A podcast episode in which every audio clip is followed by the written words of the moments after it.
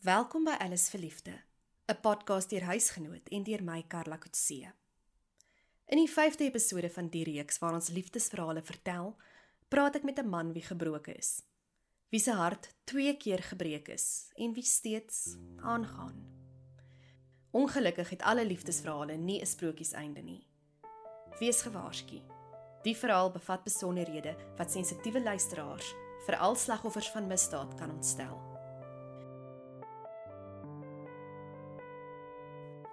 Yuri is 57 jaar oud, maar ten spyte van die grondpad wat hy die afgelope 10 jaar geloop het, lyk hy goed vir sy ouderdom.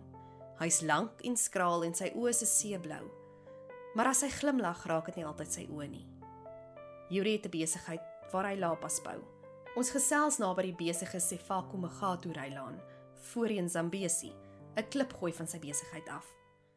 Daar speurtkrag en kragopwekkers zoom terwyl vragmotors verbyry. Yuri was maar 20 jaar oud toe hy en sy eerste vrou Suna ontmoet het. Hy is lief vir langarm en dis waar hy en sy ontmoet het. Kort daarna is hy met die mooi donkerkop vrou getroud. Ja nee, ons was jonk nê, nee. ons het 'n baie groot troue gehad. Ons het daai tyd by die ehm um, lugmag uh, offisiers uh, menasie getrou. Daar was seker 300 mense gewees. Baie lekker. Ek meen jy's jonk en ja, jy het nog jou hele toekoms voor jou. Ehm uh, voor ons troue, ek was jonk maar ek het al toe al my eerste klein huisie gehad. En dit was lekker om te trou en jy het al klaar uh so jou eie nesie, kan ek maar sê. Yuri vertel hy het hard gewerk en Suna, wie ook sy beste vriend was, het alles saam om gedoen. Hulle het verskeie eiendomme gekoop en hulle twee het op 'n klein hoewe in Kameeldrif, noordoos van Pretoria nes geskop. Ja, vir ontspanning het ons ehm um, so ek sê, gaan bootry. Ehm uh, Rode Plaasdam is baie naby my huis. En ja, net die buitelewe, ons het gehou van die buitelewe en dans. Dans is lekker gewees. Ehm um, so dit is wat wat ouma gedoen het, maar ons is maar meerendeels op die plot. Dit hou ou besig en is lekker. Lekker lekker op die plot. Uh jy geniet dit met met met die lewe wat jy daar het vir jouself. Jy doen dingetjies daar wat lekker is. Ek meen sy het 'n uh, baie naaldwerk gedoen, sy het klasse geloop in naaldwerk en ja, ehm um, as ek miskien ehm um, ver van die huis af weggewerk het, het sy al besig gehou met sulke goed. Sy het kersse gemaak, sy het naaldwerk gedoen en die honde was haar lewe. Ek het uh, baie honde gehad en soos ek sê, hoenders, volstruise, lesbokke. Die twee was opgewonde in 2010. Yuri het 'n ander eiendom verkoop en hulle het goed wins gemaak. Hulle het nuwe matte gaan koop vir hulle groot grasstakhuis en gereed gemaak vir die winter wat op pad is op die Kleinhoewe. Maar toe in 'n oogwink is Yuri en Suna se idilliese bestaan op die Kleinhoewe verpletter. Suna is 3 keer geskiet. Een van die skote is deur haar kop. Ek was besig om met my werkers buite 'n vragpale af te laai en uh, ek het gehoor sy gil en van waar ek gewerk het na die huis gehardloop en by my aankoms by die huis is daar op my geskiet. Uh misgeskiet en hulle het daar in die huis raak geskiet. Uh, na so 4 dae het ek al oorgeplaas na 'n ander hospitaal toe en twee groot operasies gedoen. En daarna het ek al na die plot toe gevat en amper 6 maande versorg daar totdat sy toe oorlede is. Stuk vir stuk het Yuri sy lewe opgetel. Suna se sorg by die huis het hom byna bankrot gemaak, maar dit was die feit dat hy sy beste vriend verloor het, sy lewensmaat, en op so 'n traumatiese manier wat hom vandag nog laat vra: "Maar hoekom?" Hy en Suna het nooit kinders gehad en hy vertel hy was bitter eensaam na haar dood. Um, ek was baie lank alleen gewees en uh het nie uitgegaan nie, baie hartseer. 22 jaar is 'n baie lang tyd. En ja, soos ek sê is ehm um, vriendinne het my bly vra om 'n bietjie uitkom saam met hulle en ja, tot die aand wat hulle gesê het, maar ons kom al jou nou by die huis. Jy gaan nou 'n bietjie saam met ons uit vanaand en toe was Rietjie nou deel van hulle groepie. Rietjie en Yuri het Nessa en Suna op die dansbaan ontmoet. Yuri vertel Rietjie, wie net meer as 10 jaar jonger as hy was, was ook eensaam. Sy het hom 'n paar dae na hulle in 2015 ontmoet het gebel en gesê hy moet haar op 'n date vat. Sy hart het begin lig te raak. En hy en Rietjie het binne maande verloof geraak en getrou. Sy het 30 jaar lank by Absa gewerk en toe ons begin uitgaan het en begin ernstig raak het en wat ook al het ek vir gesê sy kan maar ophou werk want ehm uh, Suna het ook maar by die huis gebly. Dit was nie nodig vir hom te werk nie met my besigheid toe het ek voldoende geld gemaak wat ons uh daarvan kon geleef het. En ek het vir Rietjie ook gesê dat ehm uh, ek dink sy het ook nou na 30 jaar bietjie rus nodig. En ja, sy het opgehou werk. Yuri het voor hy Rietjie ontmoet het van die plot waar hy saam Suna gebly het getrek. Ek het ieders op die plot gehad, maar hulle het regtig my plek verniel en dit was baie baie erg om te sien hoe gaan die plek agteruit maand na maand gesukkel met inkomste en uh nadat ek vir Rietjie ontmoet het en het ek besluit om weer terug te trek na die plot toe om hom te probeer verkoop. En uh ja, almal almal het altyd gesê pas op, wees versigtig. En ek het goeie sekuriteit in plek gehad. Maar ja, nie eers dit het gehelp nie. Dis die besluit wat vandag nog by hom spook. Want Rietjie is net meer as 6 jaar na sy eerste vrou op die klein hoewe geskiet.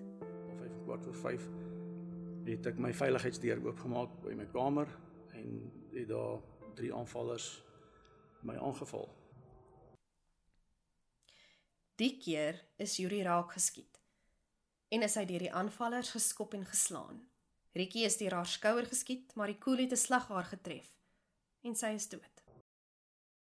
So dit is dit is daai goeters wat ou nie verstaan nie dat jy lewe al skiet hulle jou deur die blad agter by jou hart en by jou longe en die koel tref nie iets nie en jy alhoewel jy in ICU beland lewe jy nog maar sy word geskiet in 'n skouer wat eintlik 'n vleiswond is maar tref 'n aar en bloei dood toe ek gaan hulp haal het. Dis toe nou uh jy weet die tweede keer dat dat jy deur so traumatiese ondervinding is en weer jou vrou verloor. Ja, nee, ehm uh, soos ek sê is 'n ou uh, nou weet nie, seker nou maar jy gaan maar net aan, nee, jy uh, jy is nie regtig by jouself as ek dit so kan stel nie. Jy jy gaan maar net aan. Jy jy doen nou maar net elke dag wat jy kan. Yuri sukkel om die verhaal te vertel. Sy voorkop is nat gesweet en sy regterhand gryp sy knie vas dat sy kneukels spierwit word. 'n Paar keer sê Yuri hy is 'n Christen, maar hy sukkel om te bid. Ek het niks meer oor om voor te lewe nie. So elke dag vra ek ook hoekom kon dit nie maar net ek gewees het eerder nie as sy. Uh ek meen ek het niks meer oor in die lewe nie. So dit kon maar eerder ek gewees het. Ek sê ek sê ek bid nie want ek het niks om voor te bid nie.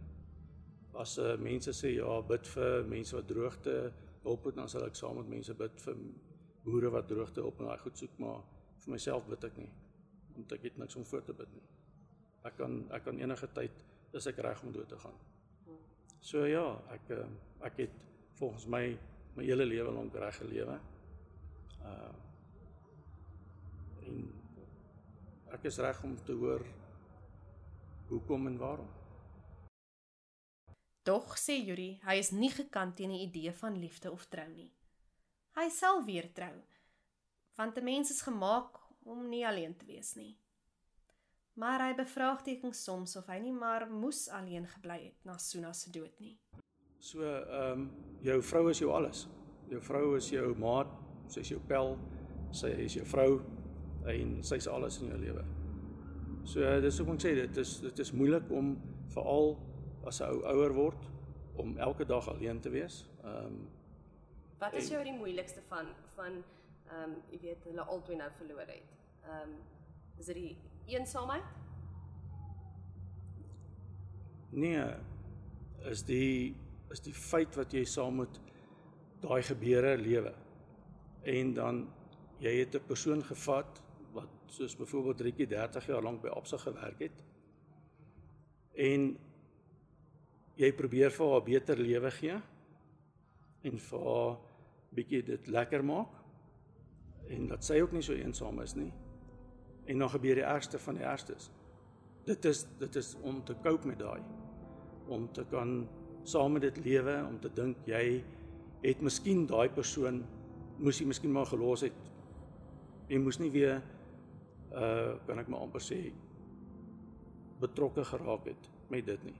Ek ek glo daar sal ehm um, iemand wees vir wie ek ook goed kan wees nog en wat ek ook miskien nog kan gelukkig maak. Dit is net anderster. Is nie dieselfde meer nie. Dit is meer is om iemand saam met jou te hê vir wie jy kan help en goed wees en daarvoor wees asof dit daai liefde is wat jy nou soos op 20 verlief raak op iemand en dit is heeltemal 'n ander tipe gevoel wat jy het as wat dit tans is. Vir nou vat Yuri dit dag vir dag. En hy sien 'n sielkundige. En dis ek sê ek, wat wat wat wat wat moet jy doen? Ek staan regtig op in die dag nê. Nee. En ek gaan aan met die dag. Ek gaan dans baie. En dit is maar ag, lekker tot so 10 uur toe. Dan kom jy laaitjies ook in met plakkies en kortbroeke en daai goed. Nou baie. So 8 uur begin die musiek speel en probeer ek maar so 8 uur se kant al daar te wees. Want dan se tot 10 uur toe gaan ek huis toe. Twee mans is verlede jaar tot lewenslange tronkstraf gefonnis vir Rietjie se moord. Niemand is nog in hegtenis geneem vir die moord op Suna nie.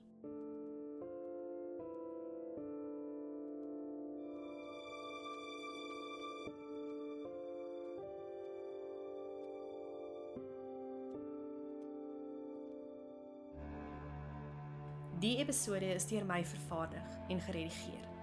Finale klank deur François Haasbroek. Alles verliefde is op Apple Podcast, Google Podcast, Spotify en oral waar jy na podcast kan luister beskikbaar. Elke eerste Vrydag van die maand stel ons nog 'n episode beskikbaar. So maak seker jy volg Alles verliefde en vertel jou vriende. As jy 'n storie het wat ons moet vertel, e-pos my by karla.coetzee met 'n z@huisgenoot.com en moenie die volgende episode van Alles verliefde misloop nie.